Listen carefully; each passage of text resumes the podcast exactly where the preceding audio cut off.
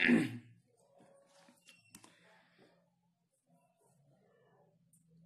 Bismillahirrahmanirrahim. Assalamualaikum warahmatullahi wabarakatuh. Uh, insya Allah hari ini kita akan meneruskan kebiasaan kita ya ngabubu live ya di mana kita mengisi waktu menjelang uh, buka ini ya dengan motivasi-motivasi untuk kita semua dari berbagai macam pihak ya. Kita hari ini bisa silaturahim sama Kang Zainal juga. Dan kita nanti bisa gali kita bisa uh, nah masya Allah. Assalamualaikum Kang. Waalaikumsalam warahmatullahi wabarakatuh. Apa kabar Kang? Alhamdulillah. Saya juga Alhamdulillah bisa Kang, kedengeran nggak suaranya? Jelas jelas banget. Ntar ya koneksinya lumayan nih. Ya kita hari ini Kang mau silaturahim sama Akang ya sekalian ngambil hikmah, ngambil ilmu dari Akang uh, tentang seputar seputar ngapalin Quran ya. Di mana memang kita juga butuh motivasi nih Kang untuk uh, ngapalin Quran dan pengen tahu sih sebenarnya apa sih yang membuat Akang misalkan akhirnya memutuskan ngapalin Quran dan sebagainya. Gitu. Lebih ke arah uh, uh, kita sedikit berbagi aja sama sahabat-sahabat semua yang ada di sini hari ini. Uh, mungkin aku mau nanya aja ke Kang Zainal. Beberapa pertanyaan sih Kang, lumayan banyak ya. Tapi oh, mudah-mudahan uh, ya, waktunya juga cukup sambil nunggu berbuka puasa. Oke. Okay. Oh ya siap. Yang pertama mungkin Kang, uh, apa yang menyebabkan akhirnya Akang Jenal atau Kang Zenal e, memutuskan untuk menghafal Al-Quran. Kira-kira bisa diceritain ya Kang perjalanan awal mula ngapal. Alhamdulillah. Ya teman-teman Bismillahirrahmanirrahim.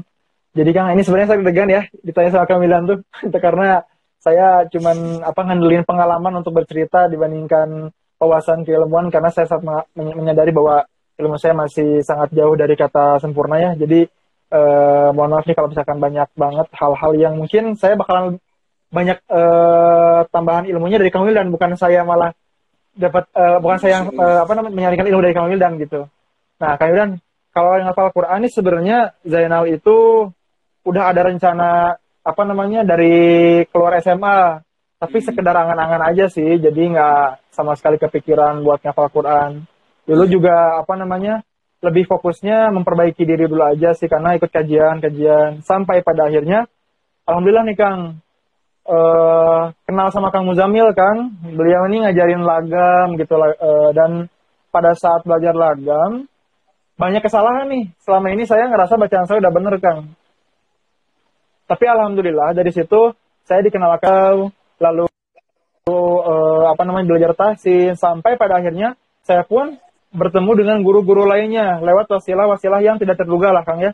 Dan alhamdulillah, namun satu guru ini namanya Ustaz Sukron. Beliau uh, selain mengajarkan tahsin, menuntut saya uh, dan uh, kawan-kawan lainnya yang ke tahsin juga harus ngafal Quran Kang. Dulu itu hafalan saya masih surah Aduha sampai Anas. Dan itu masih berantakan karena harus diulang lagi diulang lagi kenapa? Selain banyak yang lupa ternyata makhrajul huruf terus panjang pendeknya banyak yang salah. Sampai pada akhirnya alhamdulillah nih kata Ustaz udah kamu boleh ngafal katanya udah layak alhamdulillah. Coba deh ngafal juz 30 tuh Kang. E, beres. Uh, saya tuh ngafal juz 30 tuh saya lupa sih berapa okay. lama ya tapi berbulan-bulan lah loh kalau nggak salah. uh, dari perjalanan tahsin ya Kang?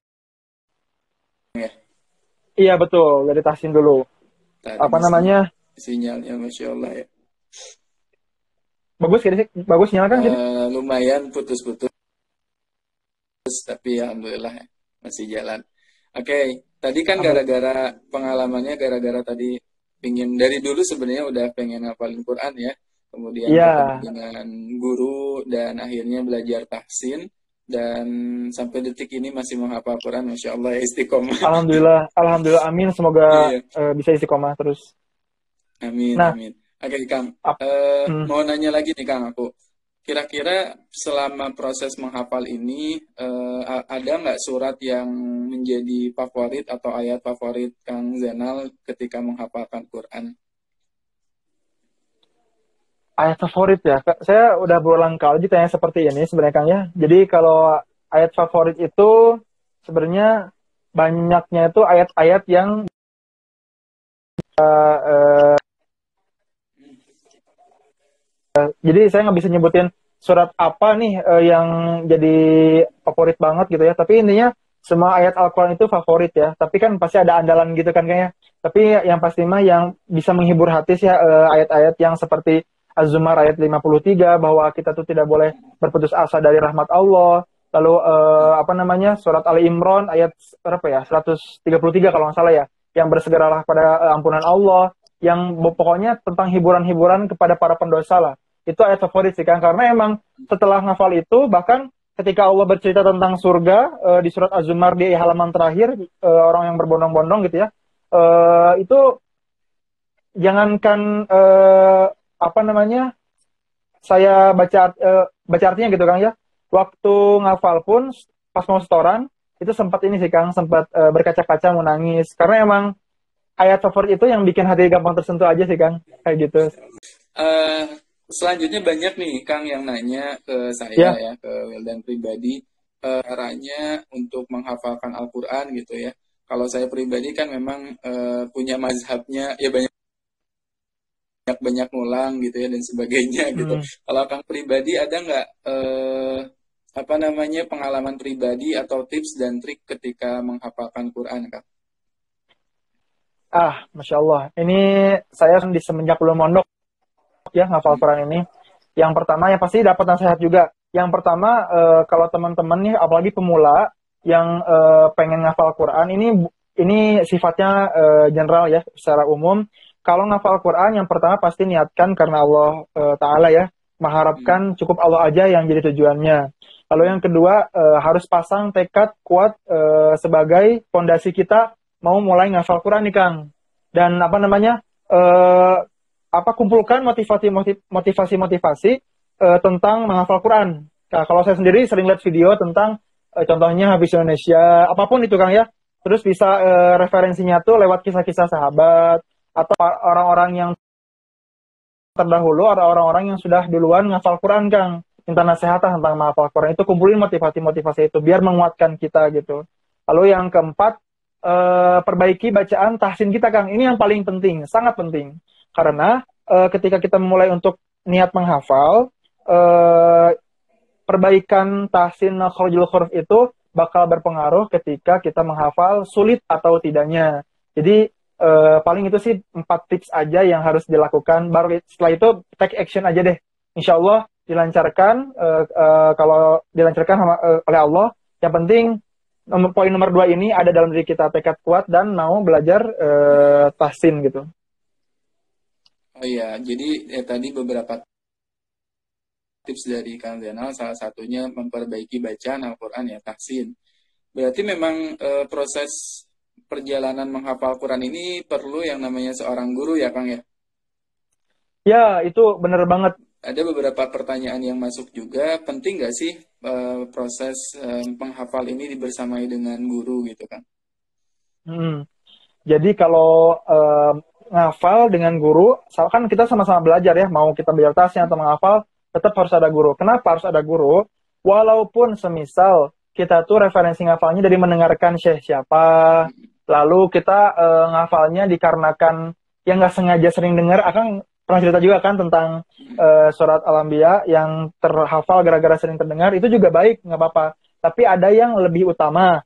Apa yang lebih utamanya yaitu e, punya seorang guru karena kalau kita seorang guru bertalaki, seperti Rasulullah pun bertalaki ke e, malaikat Jibril, itu kita akan tahu letak kesalahan kita di mana. Bahkan bukan hanya kesalahan tahsin atau makhrujul hurufnya, kesalahan-kesalahan ketika kita tertukar-tukar ayat itu kita tahu gitu. Kadang-kadang saya sendiri pun suka nih eh, nggak pernah sadar ketika ngapal ada ayat yang ini Kang, ada ayat yang yang pendek dipanjangin. Padahal saya niatnya nggak seperti itu, niatnya emang e, bacanya sesuai di Al-Quran, tapi mungkin terceletot lah bahasa Sundanya gitu. Jadi penting banget adanya seorang guru membenarkan bacaan kita baik tasin atau uh, kekeliruan ketika membaca uh, hafalan kita.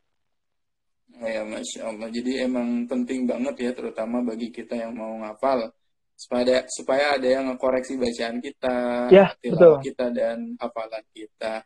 Oke Kang, eh, ketika menghafal nih problem kita kan ngafalin Quran ya, hafal satu juz, hafal dua juz, hafal juz yang berikutnya dan berikutnya, tapi kadang-kadang lupa di juz-juz yang udah kita hafal. ini masalah banget ya, dibenerin yang juz ini, di murojaah yang juz ini malah lupa dan sebagainya. Kira-kira tips dari Anda supaya kita semangat murojaah gimana? Nih Kang nih. Duh, Masya Allah ya luar biasa pertanyaannya sekaligus bakal jadi tamparan buat saya sendiri nih kalau menjawab. Tapi saya uh, apa namanya uh, ini nasihat juga dari guru saya di pondok sebelumnya bahwa ini juga saya alhamdulillah uh, kalau kita masuk pondok terus uh, dibangunlah habit dari program ter pondok tersebut. Kayak contohnya ya membangun amalan-amalan sunnah untuk uh, menguatkan hafalan kita. Nah itu bakal di uh, habit lah buat kita setelah di luar gitu ya. Jadi apa namanya bekal aja sih pas di luar tuh jadi kita terbiasa gitu. Nah tips dari biar kita tetap uh, semangat uh, semangat memurojaah hafalan kita. Yang pertama nih, biasanya seseorang yang uh, ngafal Quran tapi nggak kuat-kuat itu lebih mementingkan banyaknya kuantitas hafalan alias menambah hafalan terus. Uh, itu biasanya itu emang ke secara umumnya emang banyak banget kejadian seperti itu sehingga hafalan yang sudah didapat bakalan cepat hilang.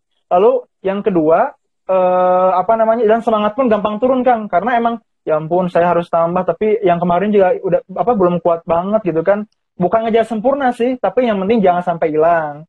Lalu yang kedua itu bangun amalan sunnah. Salah satunya adalah keutamaan penghafal Quran adalah dengan membawakan uh, surah-surahnya di dalam sholat dan referensi saya adalah sholat berjamaah. Iya itu ya. Makanya saya sendiri menekankan uh, kepada saya kalau sholat uh, rawatib eh rawatib. Kalau sholat wajib harus moratap karena biar keputar semua dan uh, apa namanya biasanya hafalan yang sudah dibawakan di dalam sholat, sholat apa pun itu ya, uh, itu bakalan lebih kuat dibandingkan uh, mur biasa. Lalu kita uh, perbanyak sholat tahajud gitu kan, dan kalau bisa kalau bisa ya uh, sejus per sholat tahajud gitu kan. Kalau nggak bisa semampunya saja. Yang penting nyicil aja uh, di sholat-sholat sunnah. Jadi mengspesialkan hafalan kita uh, agar dengan cara dibawa dalam sholat ditasmikan kepada Allah langsung agar hafalan itu tidak tidak merasa uh, dipilih kasihkan. Saya uh, apa namanya uh, murajahnya duduk duduk duduk biasa aja nih. Tapi yang hafalan itu malah dibawa sholat lebih spesial kan. Sedangkan Al-Quran itu kan Allah yang menurunkan pasti lebih mencintai uh, apa ya yang maha menurunkan uh, Al-Quran itu gitu yang menyempurnakan Al-Quran gitu itu gitu. Makanya uh, adalah baiknya untuk membangun semangat kita selain memperkuat doa agar Allah istiqomahkan bahwa so, uh, so, apa namanya hafalan itu di dalam sholat kita kan sholat apa pun itu gitu. Hmm. Keren banget tadi ada istilah pilih kasih ya. ya seperti itulah kan. Iya, kadang-kadang kita fokus ke murojaah hafalan yang udah lancar dan malas banget uh, murojaah hafalan yang tersendat. Padahal justru kan hafalan yang tersendat harusnya dibanyakin ngulang ya. Hmm. Jadi kayak ini Kang, kayak hmm. apa namanya? E, ibaratnya tuh kalau kita sering dengar e, kalau saya pengen menikah, berarti kita siap dengan konsekuensi susah dan senangnya membersamai pasangan kita tersebut. Nah, sama halnya juga ketika kita ngafal, jangan sekedar enak dan semangat ketika lancarnya aja, tapi ketika nggak lancar, mau nggak nih kita bertahan lama-lama sama Quran? Karena jujur aja Kang, kemarin yeah ketika ini Kang, ketika kita kadang-kadang lagi ngapalin Quran kan ada momen futur ya, ada momen turun semangat. Nah biasanya Kang Zainal ngapain nih ketika futur, ketika turun semangat atau tersendat hafalannya? Saya bingung kalau mengatakan sejujurnya di sini. Biasanya kalau futur jujur aja, Kang Wilan, saya tuh nggak ada referensi lain sih kayak misalkan eh, apa namanya cari motivasi biar nggak futur tuh karena jujur semangat atau motivasi itu lebih banyak saya sendiri yang nyiptain gitu. Walaupun emang nggak sehebat itu gitu kan ya. E, pengaruh e, motivasi dari orang lain pun kadang-kadang suka e, nggak ini kan apa? Ya saya mendengarkan tapi mungkin belum nyampe ke semangat saya gitu. Tetap aja uh, ngedown gitu. Biasanya saya uh, tidur gitu kan ya. Buat mungkin saya lelah biasanya tuh kalau futur itu tidur. Lalu apa namanya biasanya saya coba buka-buka Quran tapi bukan untuk dibaca kan kalau saya pribadi. Saya cuma lihat-lihat doang. Kadang itu jadi kesempatan kita buat lihat uh, terjemahan walaupun ngacak lah. Saya misalkan contohnya lagi ngapal uh, saya tuh pakai ini kang pakai Quran yang Ustadz Abdul Aziz Abdul Rauf. Hmm. uh, hmm, untuk melihat motivasinya bukan menghafalnya.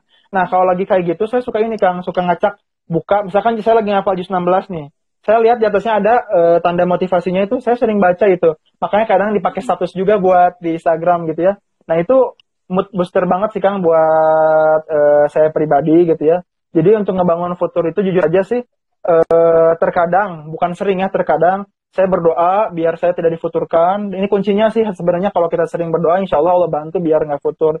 Terus uh, cari teman yang mau uh, untuk menyimak pakai hafalan kita atau menasehati kita sih Kang biar uh, kitanya futurnya nggak lama-lama lah. Karena emang futur ini datangnya setiap hari sih Kang.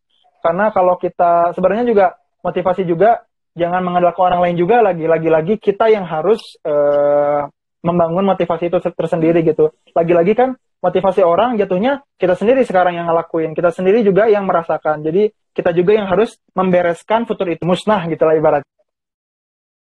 Walaupun datangnya tiap hari gitu.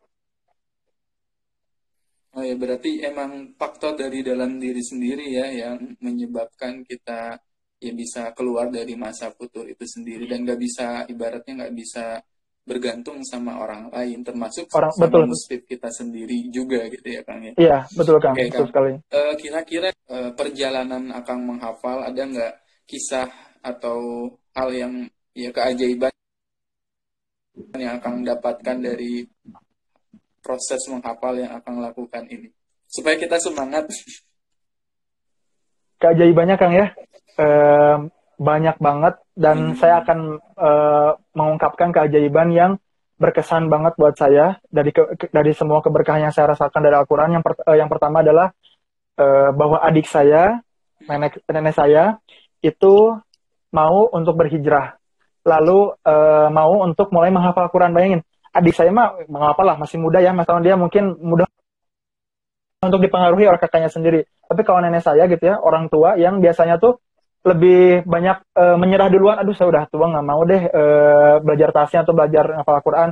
Alhamdulillah karena sering banget mungkin lihat saya ngimamin bahkan jadi makmum ke mana-mana sering ikut kang Milan akhirnya nenek saya alhamdulillah ada yang e, jujur aja bukan saya ngajar tasin tapi ada yang mengajarkan tasin bahkan ada guru setorannya dari situ. Lalu e, wasilahnya tuh dari situ pun nenek jadi e, lihat saya ngapal Quran jadi terbawa ini terbawa rajin sholat ke masjid gitu atau rajin itu rajin tepat waktu maupun di rumah atau di masjid.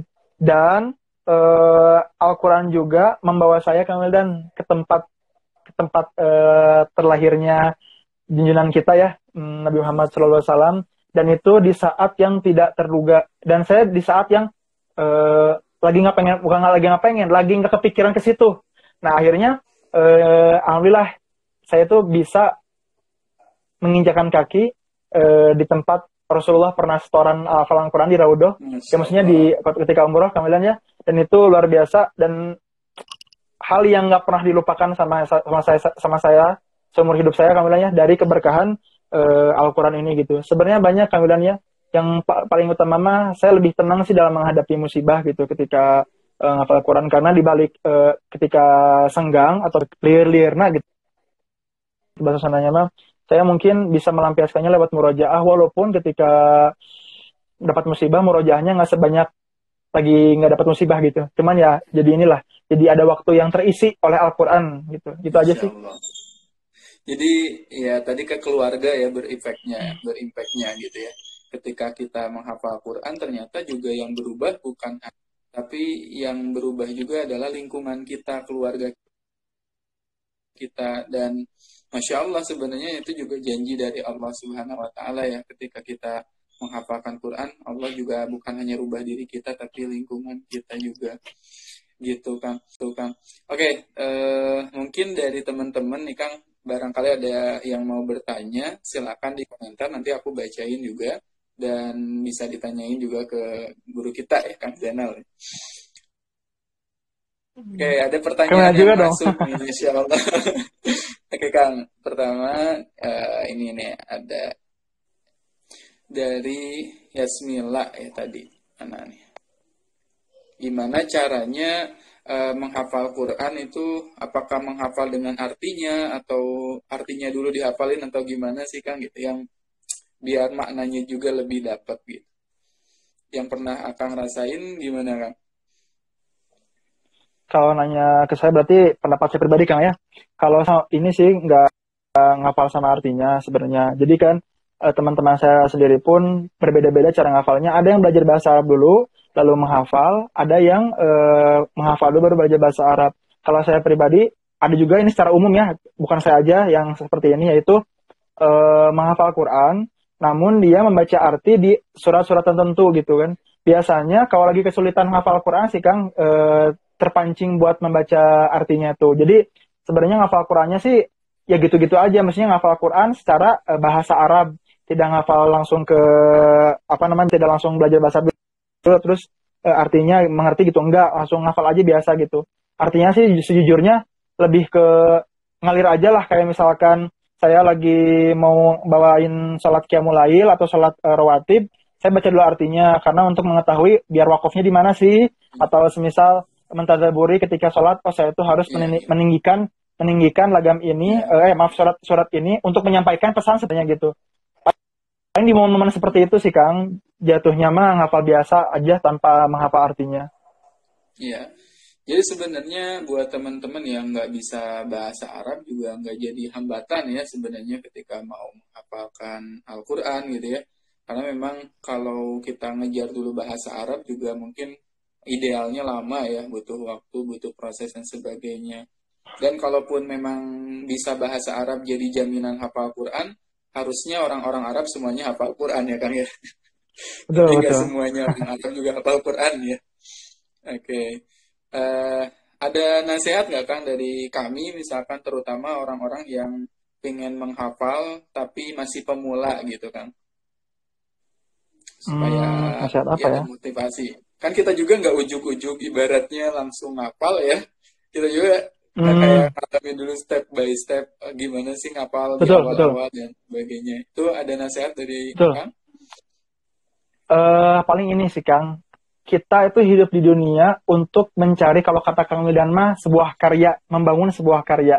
Apa yang ditunjukkan nanti di hadapan Allah Subhanahu wa taala? Apa ketika nanti bertemu dengan Allah Subhanahu wa taala? Kalau kita pikir-pikir, sholat kita apa sih yang dibanggain? Eh, Ramad apa? Puasa kita apa sih yang dibanggain? Bahkan ibadah-ibadah lain apa sih yang dibanggain? Karena emang belum tentu diterima gitu. Kita hanya memaksimalkan diri untuk khusyuk kepada Allah, ikhlas kepada Allah, dan itu sampai sekarang pun saya lakukan gitu. Walaupun ya itu tadi godaannya luar biasa banyak.